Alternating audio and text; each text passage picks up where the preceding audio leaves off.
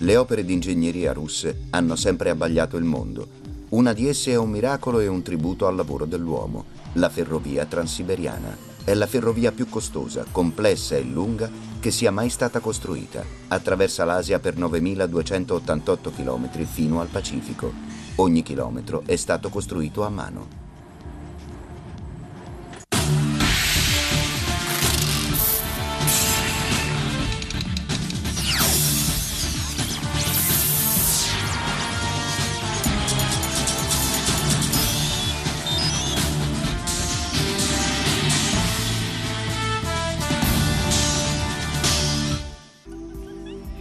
Mosca, capitale della Russia, già sede del governo sovietico, è il centro di una delle più intricate reti ferroviarie del mondo. A Mosca ci sono nove stazioni ferroviarie che ogni giorno trasportano un milione di passeggeri tra l'Europa e l'Asia.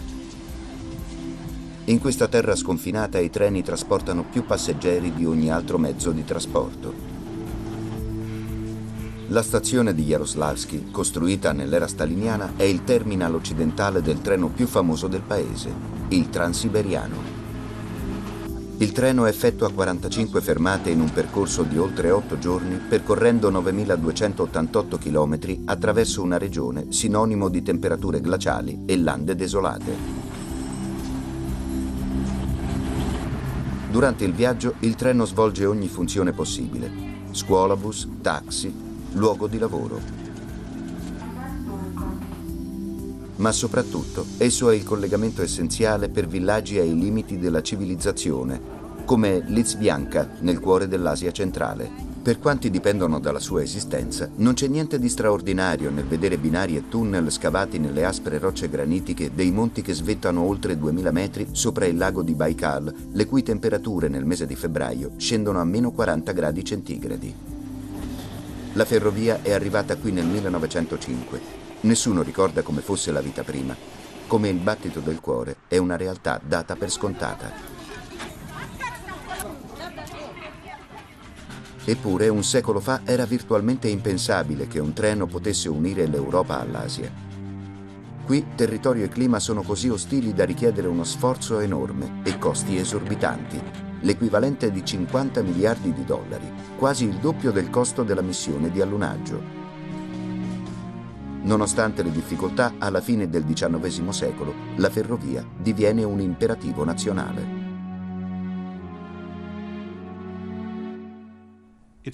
Ci volevano anni perché messaggi, editti e programmi governativi raggiungessero i confini dell'impero. Senza linee di comunicazione e un sistema telegrafico efficace, senza una rete ferroviaria, la Russia era pesantemente svantaggiata.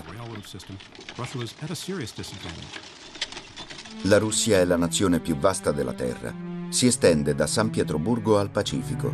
È più ampia degli Stati Uniti e del Canada messi insieme ma soltanto una rete ferroviaria obsoleta la collega alla capitale. La Russia ha bisogno di una ferrovia che penetri fin nel cuore dell'Asia centrale. La Cina, infatti, minaccia costantemente di varcare i confini con la Siberia. Le navi da guerra giapponesi insidiano le coste del Pacifico. Ancor più allarmanti sono i ribelli siberiani che manifestano il loro desiderio di fuggire dalla capitale. Durante il regno di Alessandro III, la Russia è in piena crisi.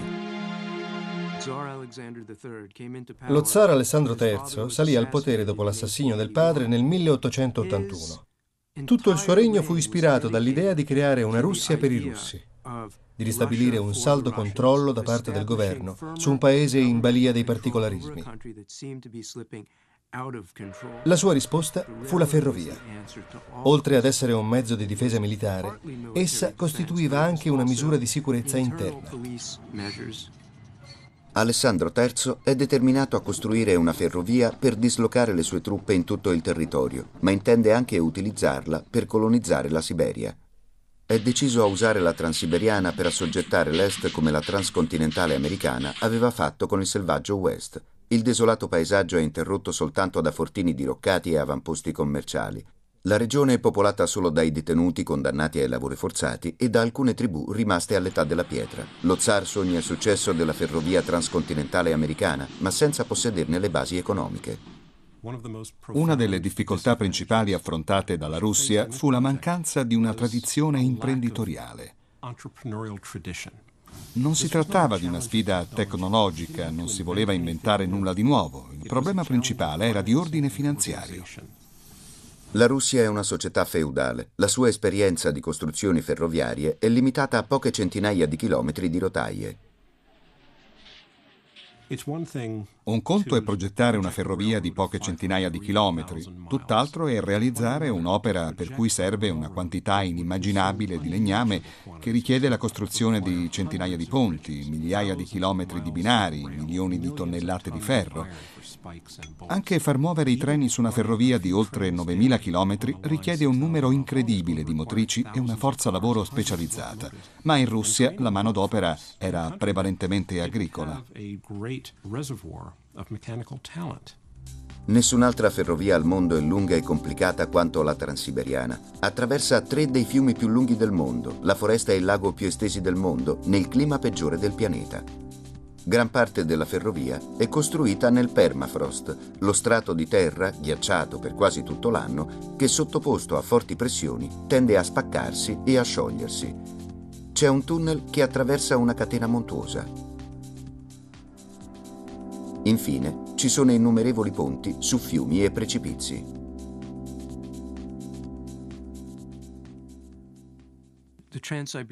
La ferrovia transiberiana fu una delle imprese più grandiose del XIX secolo e l'opera civile più costosa mai realizzata in tutta la storia moderna, in tempo di pace.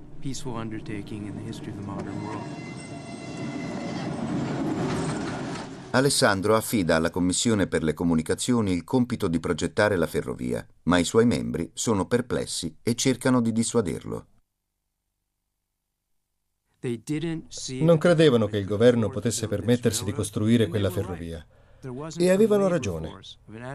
Non esisteva in Siberia una forza lavoro in grado di affrontare l'impresa. Non c'erano acciaierie per rifornire cantieri né giacimenti di carbone. Impossibile o no, lo zar è deciso ad avere la sua ferrovia. Quando la commissione si pronuncia contro la fattibilità dell'opera, lo zar scioglie l'organo e affida a Sergei Vitti, costruttore della linea di Odessa, un tratto di 900 km, il compito di realizzare la Transiberiana, dieci volte più lunga. Ma lo zar è ingenuo nel credere che basti l'imprimatur reale ad assicurare il successo. Una ferrovia è molto più della somma di treni e binari. Non è una cosa, non è un'opera che uno zar poteva ordinare di costruire e credere che avrebbe funzionato come una macchina accendendo semplicemente l'interruttore. È un'interazione complessa di esseri umani e componenti meccanici che si snoda per migliaia di chilometri. La ferrovia più lunga del mondo, il progetto più ambizioso del XIX secolo, inizia in una nube di pastoie burocratiche. Mentre i progettisti cercano un miracolo per realizzarla, lo zar la presenta al mondo come uno strumento del potere imperiale, l'inizio di una nuova era di pace e prosperità. In realtà essa causerà una guerra e porterà il paese sull'orlo della bancarotta. Alla fine del secolo, molti si chiedono se la ferrovia valga il costo esorbitante, quasi due terzi del bilancio dello Stato, o se sia l'ultimo azzardo disperato di una dinastia ormai agonizzante. A Mosca la mezzanotte segna la partenza del treno transiberiano.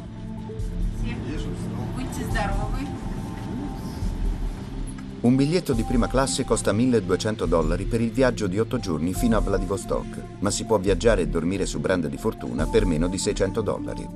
All'alba il treno arriva sulle sponde del Volga e attraversa il fiume più lungo d'Europa. Sull'altra sponda sorge Yaroslav con la sua cattedrale secolare. Da qui il treno prosegue per superare il confine siberiano e procede oltre.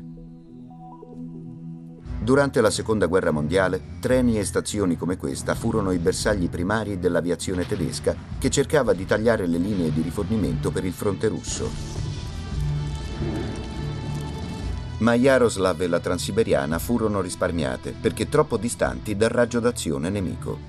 Se in tempo di guerra la distanza protesse la ferrovia, durante la sua costruzione le distanze rischiarono di distruggerla. La collocazione remota e la lunghezza delle opere fecero lievitare i costi, rischiando di far accantonare il progetto.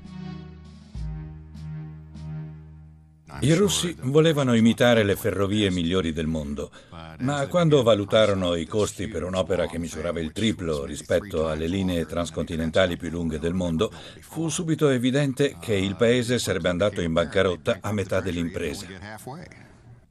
A San Pietroburgo la commissione ferroviaria è alle prese con il dettaglio più difficile, il denaro.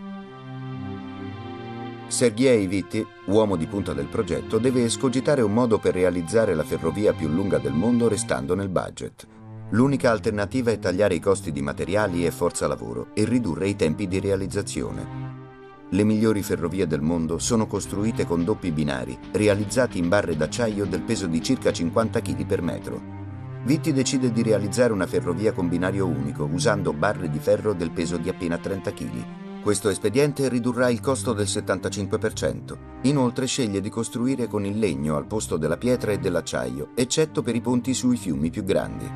L'opera sarà realizzata interamente da manodopera umana, non essendoci i fondi per dinamite e macchinari. Infine verranno aboliti i costosi sopralluoghi. L'ordine imperiale è di procedere. Il governo era disperato. La sua politica era di realizzare l'opera in tempi ristretti e a costi minimi, cercando allo stesso tempo di fare tutto il possibile.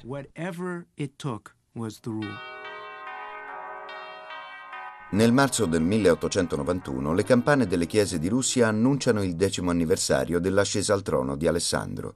Lo zar sceglie questo giorno per dare inizio ai lavori della ferrovia. Non ci saranno rinvii.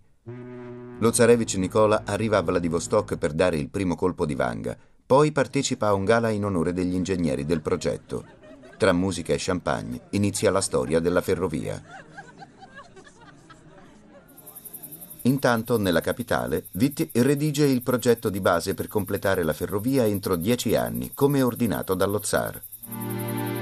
Con una stagione lavorativa ridotta a quattro mesi a causa degli inverni rigidi, Vitti ha 40 mesi per costruire 9.288 km di ferrovia pari a 250 km al giorno.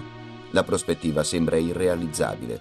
Così Vitti adotta un'idea applicata dai costruttori della transcontinentale canadese, costruire simultaneamente per sezioni separate. Vitti suddivide la linea transiberiana in sei settori che verranno realizzati contemporaneamente. Se tutto andrà come progettato, basterà costruire 40 km al mese per ogni settore. Per accelerare ulteriormente i lavori, programma la costruzione di ponti e tunnel durante l'inverno, quando il terreno gelato rende impossibile la posa dei binari. Il primo tratto a essere costruito è sito nella Valle dell'Ussuri e collega Khabarovsk a Vladivostok sulla costa del Pacifico. È la tratta più importante del paese. L'esercito ha bisogno di treni per dislocare le truppe lungo la linea costiera e impedire eventuali invasioni. Le navi da rifornimento raggiungono le squadre edili dopo un viaggio di 40 giorni dal Baltico al Pacifico. I ritardi sono enormi, ma il problema più serio resta la manodopera. Le tribù originarie della Siberia si rifiutano di lavorare, soprannominando la ferrovia la cicatrice di ferro. Le autorità tentano di reclutare manovali nelle città della Russia, ma in pochi si lasciano allettare dall'offerta degli spazi sconfinati e di 12 centesimi al giorno per lavorare in Siberia. Il governo è alla ricerca disperata di braccia da lavoro. Quando in America fu costruita la transcontinentale, all'indomani della guerra civile, c'era un'enorme quantità di giovani in cerca di lavoro e le paghe non erano tanto basse. Ma in Siberia non ci si poteva permettere di pagare bene gli operai, così si utilizzarono i condannati ai lavori forzati.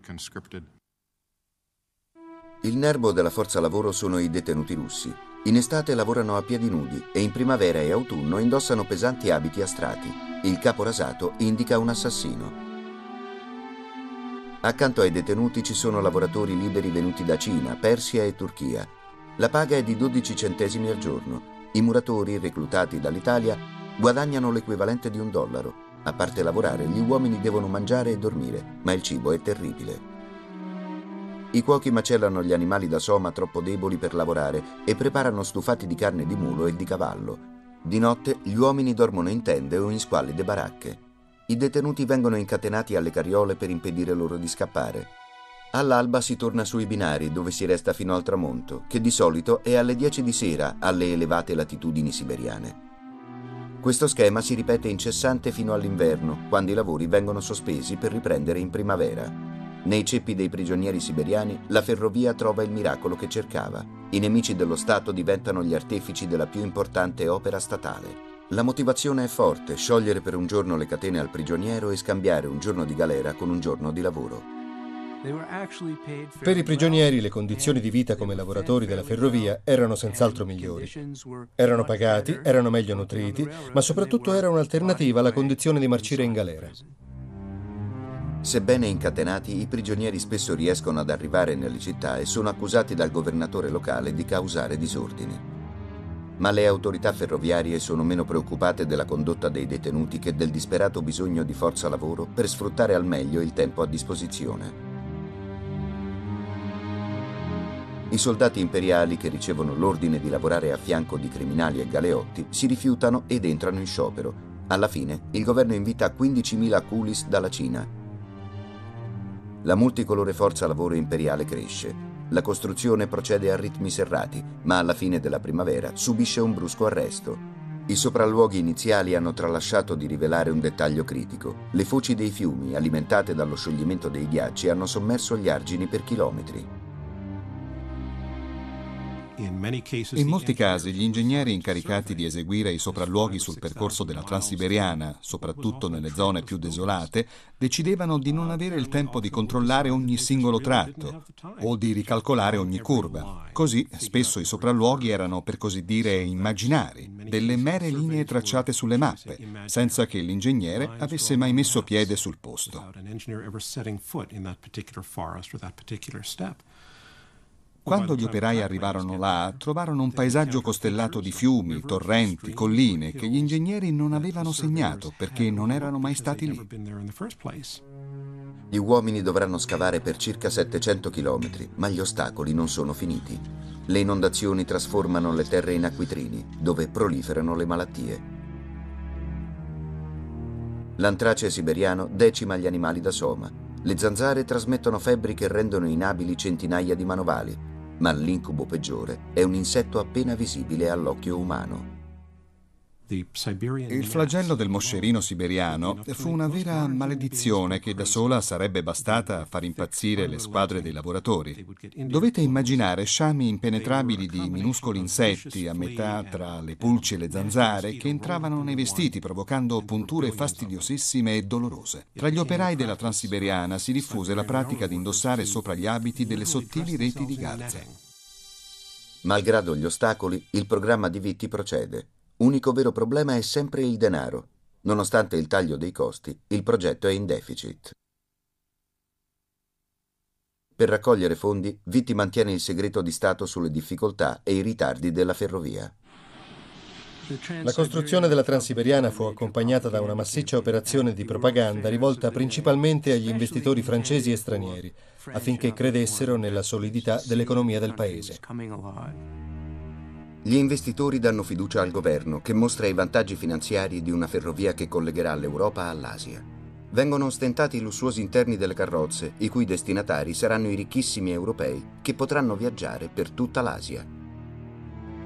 Nessuno accenna al fatto che la ferrovia è stata costruita al di sotto degli standard di qualità, con manodopera reclutata nelle carceri e che viaggerà al massimo a 25 km orari. Il piano funziona. La Francia concede nuovi prestiti, ma ancora non basta. Vitti ordina al tesoro di stampare tanto denaro quanto sarà necessario al progetto. Una volta terminata la ferrovia, i ricavi saneranno l'inflazione. A Vitti non resta che procedere rapidamente. Cinque giorni dopo aver lasciato Mosca, il transiberiano raggiunge la sponda occidentale del fiume Angara e la città di Irkutsk, a 4500 km dalla capitale. Siamo esattamente a metà strada, nella città più grande della Siberia. Irkutsk è il crocevia dell'Asia centrale per i passeggeri diretti in Mongolia e in Cina. Un secolo fa l'arrivo della Transiberiana trasformò la città in un centro commerciale. Le dimore dei ricchi mercanti e le chiese che essi vi eressero esistono ancora. Accanto alla stazione ferroviaria c'è il monumento ai caduti della Seconda Guerra Mondiale. La collocazione è ideale. Con l'invasione nazista, il transiberiano diventa il cavallo di battaglia per dislocare le truppe in tutte le zone del fronte. In tempo di pace esso è un infaticabile cavallo da soma che trasporta la linfa vitale dell'industria, carbone, petrolio e metano dall'Asia verso l'Occidente. I binari sono costruiti per sopportare il peso di 100 carri merci carichi. Le motrici possono raggiungere la velocità massima di 120 km orari. La velocità e la potenza del transiberiano del XXI secolo sono un sogno lontano per la commissione che realizzò la ferrovia nel 1891. Per Sergei Vitti, costruire in economia è una necessità, costruire in fretta una strategia.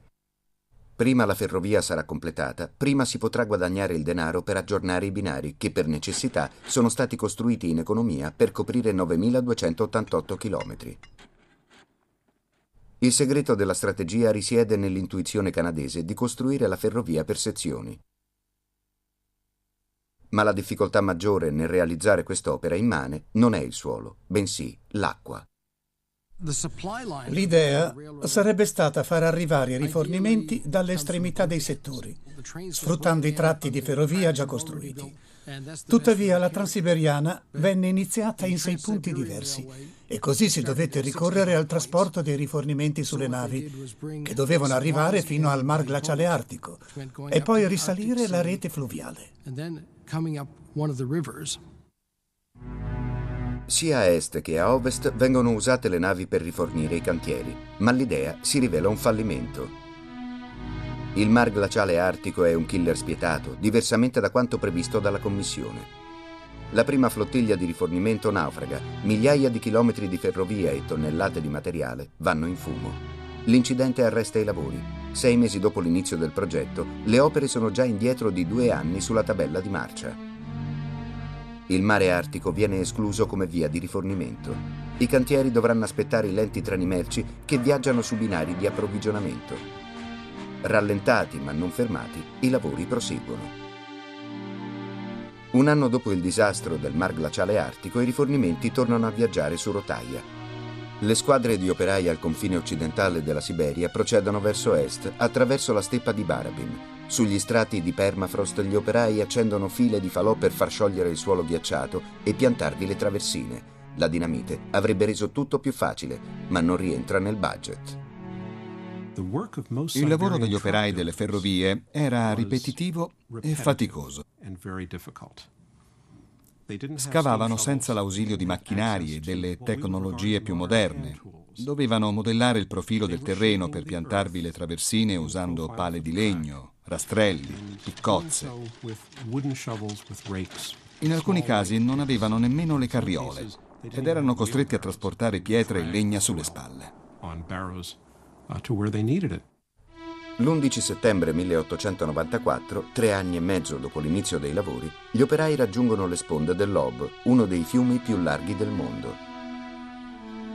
Uomini e materiali vengono traghettati sull'altra sponda per continuare a costruire verso est, mentre i muratori si mettono al lavoro. Lentamente il ponte prende forma, con banchine di pietra e contrafforti spioventi, progettati per far deviare le masse di ghiaccio trascinate dalla corrente alla velocità di 10 km orari, ma la costruzione della sezione centrale del ponte viene rimandata di mesi. Ogni singola barra, dado e bullone usati per i ponti, ogni pezzo di metallo doveva essere fuso nelle officine di Mosca, Varsavia o in altre parti d'Europa. Le travature, i sostegni e i rivetti per i ponti vengono imballati e caricati su centinaia di carri merci e spediti con cadenza mensile come piccole tessere di un mosaico. I treni merci viaggiano a velocità di poco superiori al passo d'uomo. La costruzione dei ponti prosegue anche in inverno. Il ritmo è massacrante, con conseguenze disastrose. Il problema principale era lavorare in condizioni di freddo estremo.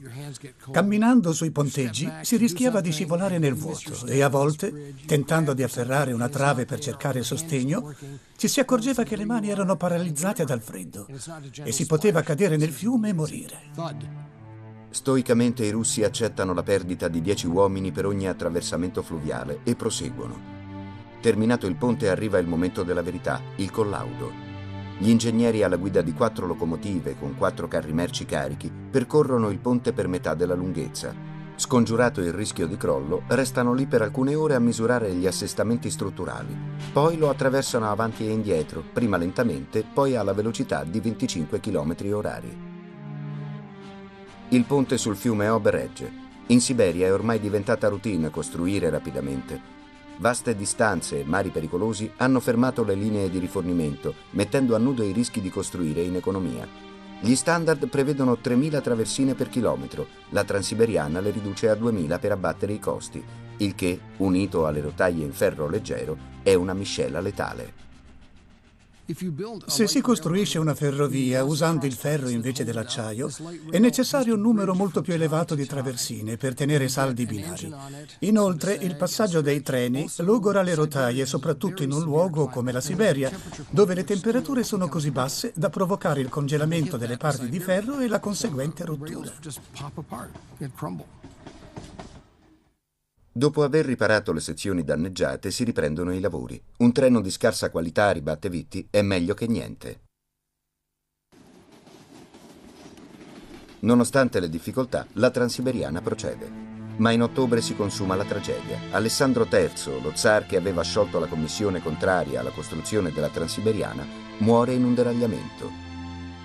Sergei Vitti diventa il capro espiatorio ed è costretto dai suoi nemici a dimettersi. La ferrovia ha perso i suoi massimi campioni. Ora ricade su Nicola l'onere di realizzare il sogno di suo padre. L'estate siberiana è un dono di luce e calore. A Irkutsk la popolazione trascorre le lunghe serate sulle sponde del fiume Angara, godendosi i momenti più miti dell'anno. Tra sei mesi le temperature sprofonderanno a meno 10 sotto lo zero e il sole tramonterà alle 15. Ma la stagione decisiva per la Siberia è l'inverno. Per avere successo la ferrovia dovrà resistere alla durezza del clima e alla vastità del territorio. Nell'autunno del 1898 non si è ancora a metà dell'impresa. La Transiberiana raggiunge Irkutsk nel settembre del 1898. A sette anni dall'inizio dei lavori, la più grande città della Siberia è collegata alla capitale. La distanza di 4.500 km supera anche la transcontinentale americana, eppure siamo appena a metà del tragitto della Transiberiana. A San Pietroburgo lo zar Nicola onora la memoria di suo padre erigendo una statua con questa dedica all'augustissimo fondatore della grande ferrovia transiberiana. Il progresso è una grande conquista, non tanto per l'invenzione di nuove tecnologie o per la risoluzione di un difficile problema di ingegneria. Il valore eroico della Transiberiana è che un paese povero è riuscito a costruire una ferrovia nel cuore della Siberia, sebbene lontana dagli standard tecnici dell'epoca. Riuscirono a costruire una ferrovia con la sola forza del lavoro umano nelle regioni subartiche della Siberia, nello stesso periodo in cui i fratelli Wright stavano per realizzare il sogno del volo a motore e quando i treni diretti alla stazione centrale di New York sfrecciavano a 100 km orari. I russi volevano realizzare dei treni che viaggiassero a 20-25 km orari e che impiegavano settimane per attraversare il continente.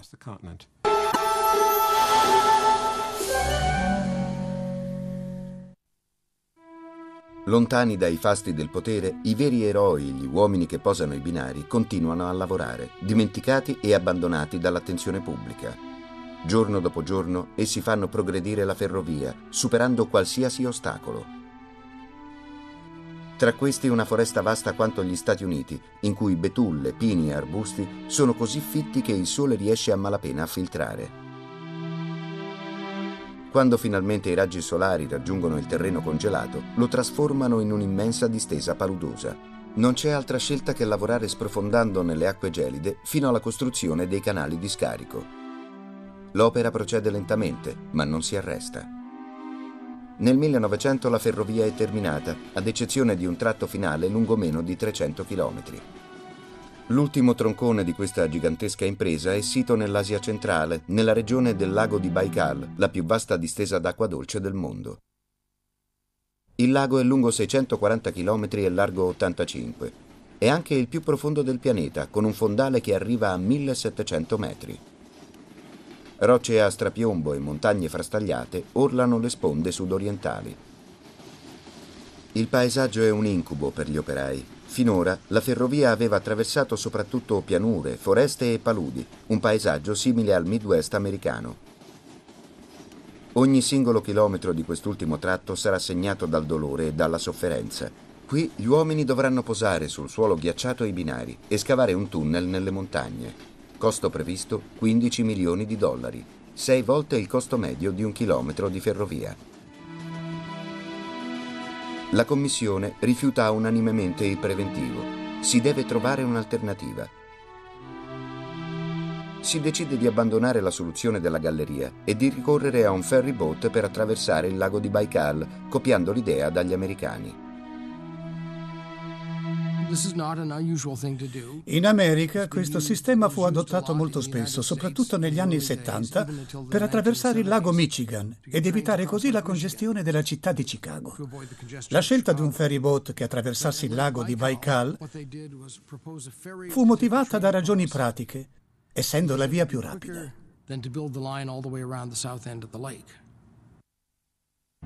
La nave che dovrà traghettare il treno è battezzata Baikal. Viene progettata e realizzata in Inghilterra, è lunga 450 metri e larga 90. Ha un doppio motore a elica e una carena d'acciaio rinforzata da un pannello di legno spesso un metro ed è munita di pale rompighiaccio. Una volta terminata, la nave è in grado di attraversare uno spessore di 2 metri di ghiaccio. È uno dei ferry boat più grandi e potenti del mondo, costruito per trasportare 1200 passeggeri, 28 carri merci a piano carico e 12 locomotive alla velocità di 13 nodi. Tre ordini di rotaie vengono fissati sul ponte della nave per permettere ai treni di transitare a bordo. È il gioiello tecnologico più moderno della Transiberiana. Viene costruito anche un rompighiaccio più piccolo per traghettare i passeggeri, chiamato Angara. Il suo compito è di precedere il Baikal per fungere da apripista. Il ferry boat viene terminato in 12 mesi, ma l'unico modo per farlo arrivare in Siberia fino alle sponde del lago di Baikal è smontarlo e spedirlo via mare, per poi assemblarlo nei cantieri del porto di Lizbianka. Raggiungere un porto nel cuore della Siberia è più difficile che costruire una nave il Baikal arriva con due anni di ritardo perché il suo treno di rifornimento deve attendere la costruzione di un ponte. Durante il trasporto, in questo lungo periodo, vanno perduti alcuni componenti, mentre altri risultano troppo grandi per essere caricati sul treno e devono essere ricostruiti, causando ulteriore perdita di tempo. Il ferryboat aveva 15 caldaie perché una grande non sarebbe entrata sul treno merci diretto a Irkutsk e da lì alla destinazione dove la nave sarebbe stata assemblata. Passeranno altri tre anni prima che la nave venga finalmente assemblata ed entri in servizio. Ma la perdita di tempo è l'inconveniente minore in confronto al destino che attende il Baikal. Il lago di Baikal fu una delle sorprese più amare riservate dalla Siberia. Persino i russi sottovalutarono il potere dell'inverno siberiano. Il lago ha una vita propria, con il suo clima, i suoi umori, le sue insidie e le sue bellezze. Qui le tempeste si sollevano all'improvviso e sono in grado di rovesciare anche un ferry boat della portata del Baikal, un imponente mostro di acciaio in grado di solcare qualsiasi oceano che qui rivelò le sue debolezze. Dopo un anno di servizio sul lago, il Baikal si rivela inutile. È uno spreco enorme. In primavera, estate e autunno, le tempeste o la nebbia costringono la nave a restare in porto. In inverno esso non è in grado di rompere il ghiaccio. Gli idrografi incaricati di calcolare lo spessore dei ghiacci hanno sbagliato i rilievi. Alla fine dell'inverno lo spessore della banchisa è di 4 metri, non di 2. Al culmine della disperazione, gli uomini vengono mandati sul ghiaccio per aprire un varco alla nave. È tutto inutile. Quell'enorme colosso di metallo cozzava contro la superficie del ghiaccio senza riuscire a romperla. Si arenava e tornava indietro. Fu tutto inutile. Passeggeri e merci si accalcavano sulle sponde del lago senza riuscire ad attraversarlo. Fu un'operazione assolutamente mal concepita. L'intera linea da Mosca a Vladivostok rimase paralizzata. Il lago di Baikal ha l'ultima parola. Nel giro di un anno il ferryboat viene abbandonato, monito agghiacciante del potere della Siberia sull'uomo e sulle macchine. Unica alternativa per la commissione ferroviaria è scavare una galleria di 300 km attraverso le montagne della Transbaikalia. L'impresa è superiore ai tratti più impegnativi realizzati finora. Bisognerà scavare 38 gallerie nelle dure montagne di granito. Unico sollievo è che dopo questo tratto la Transiberiana sarà finita. Vladivostok, la città più a est della Russia, ha 9.288 km e 8 fusi orari da Mosca. Nel suo porto è ormeggiata la flotta del Pacifico, ma dalla fine della guerra fredda le navi da guerra sono quasi tutte in rada, poche navigano in mare aperto. Nell'epoca sovietica questa era una città ristretta, senza permesso governativo non si poteva né entrare né uscire, ma quei tempi sono passati. Il treno transiberiano arriva a Vladivostok senza essere ispezionato dalla polizia segreta, otto giorni dopo aver lasciato la capitale. Entra nella stazione dove il giovane principe Nicola inaugurò il progetto nel 1891 tra tante speranze e clamori. A un decennio dall'inizio dei lavori, la Transiberiana è ancora accolta con trepida attesa. Le squadre edili stanno per completare i lavori sul lago di Baikal, ma prima dovranno affrontare la sfida delle imponenti montagne e scavare 300 km nella roccia. Questo tronco ferroviario supera in difficoltà qualsiasi opera realizzata dai costruttori della transcontinentale americana. Oltre alle insidie del territorio, gli operai della Transiberiana non hanno le moderne attrezzature degli americani. La realizzazione del tratto più difficile della Transiberiana può contare solo su forza bruta, determinazione e utensili manuali. Gli operai dovranno scavare 38 gallerie in una catena di montagne che raggiunge i 2000 metri di altezza su un lago vasto quanto un oceano, sito nel cuore della Siberia.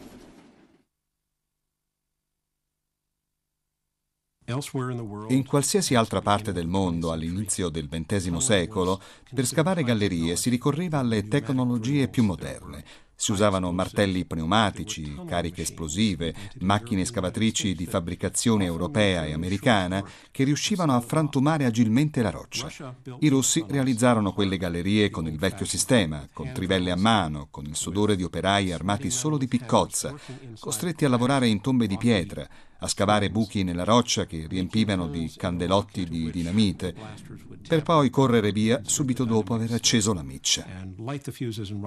Era il modo di scavare gallerie del 1850, ma ormai era iniziato il XX secolo. Nonostante la durezza delle condizioni di lavoro, la ferrovia supera il banco di prova del lago di Baikal e si dirige verso il completamento.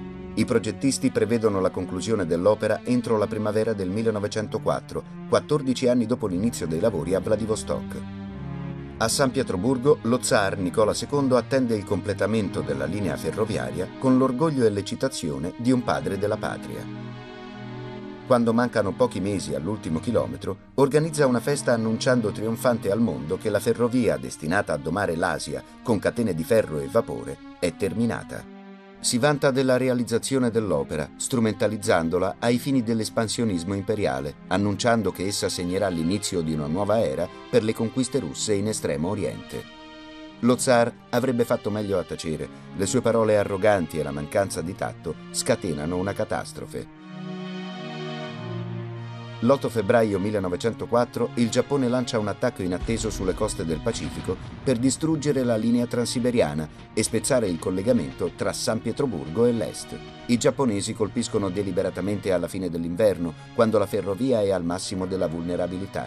Ma con orrore dei russi e dello zar, la transiberiana non è vulnerabile soltanto in alcuni punti del suo lungo tragitto, è una trappola mortale. Le sue rotaie leggere si spaccano, incapaci di sostenere il peso di carri merci stipati di munizioni e soldati. La Transiberiana venne definita una ferrovia di terz'ordine perché era stata costruita in economia. Invece di gettare delle solide basi, si optò per costruire con materiali scadenti e alla fine risultò un lavoro di scarsa qualità. Per le traversine impiegarono del legno giovane e tenero e per le rotaie il ferro più morbido. Ovviamente questa strategia avrebbe causato deragliamenti, crolli. C'era un deragliamento quasi ogni settimana. La politica di costruire rapidamente in economia si rivela un disastro nelle esigenze belliche.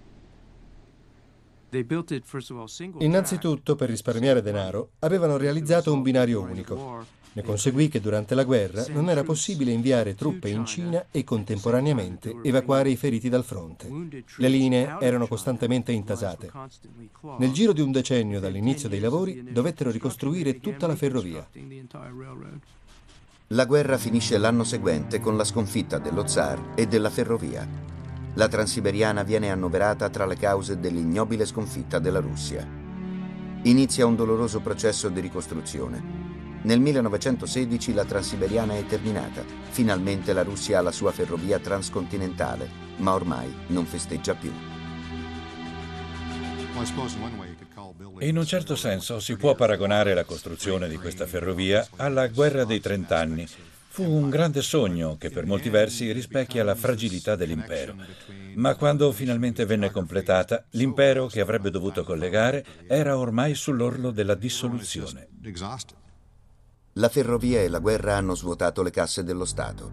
Non ci sono capitali per finanziare i programmi sociali, il che rende i tempi ancora più duri per la Russia. Il governo non può modernizzare l'esercito e quando scoppia la prima guerra mondiale, la Russia, mal equipaggiata, soffre di pesantissime perdite. I disagi al fronte e i problemi sul versante interno causano una crisi insanabile che sfocia nella rivoluzione d'ottobre. Le promesse della ferrovia di portare pace e prosperità, giustificazione delle sue smisurate ambizioni, restano incompiute. Dietro alla costruzione della Transiberiana c'era la convinzione che la ferrovia avrebbe risolto i problemi della Russia mettendo l'impero al centro del commercio mondiale. Ma questo non si realizzò. Nicola II, che orgogliosamente aveva inaugurato la costruzione della ferrovia, getta un ultimo sguardo a San Pietroburgo dal finestrino di un treno. Al calare delle tenebre, la ferrovia transiberiana, speranza e vanto della famiglia Romanov, porterà Nicola II verso la morte in Siberia. Negli anni a venire, la ferrovia degli zar sarà soggetta a una politica di modernizzazione e investimenti.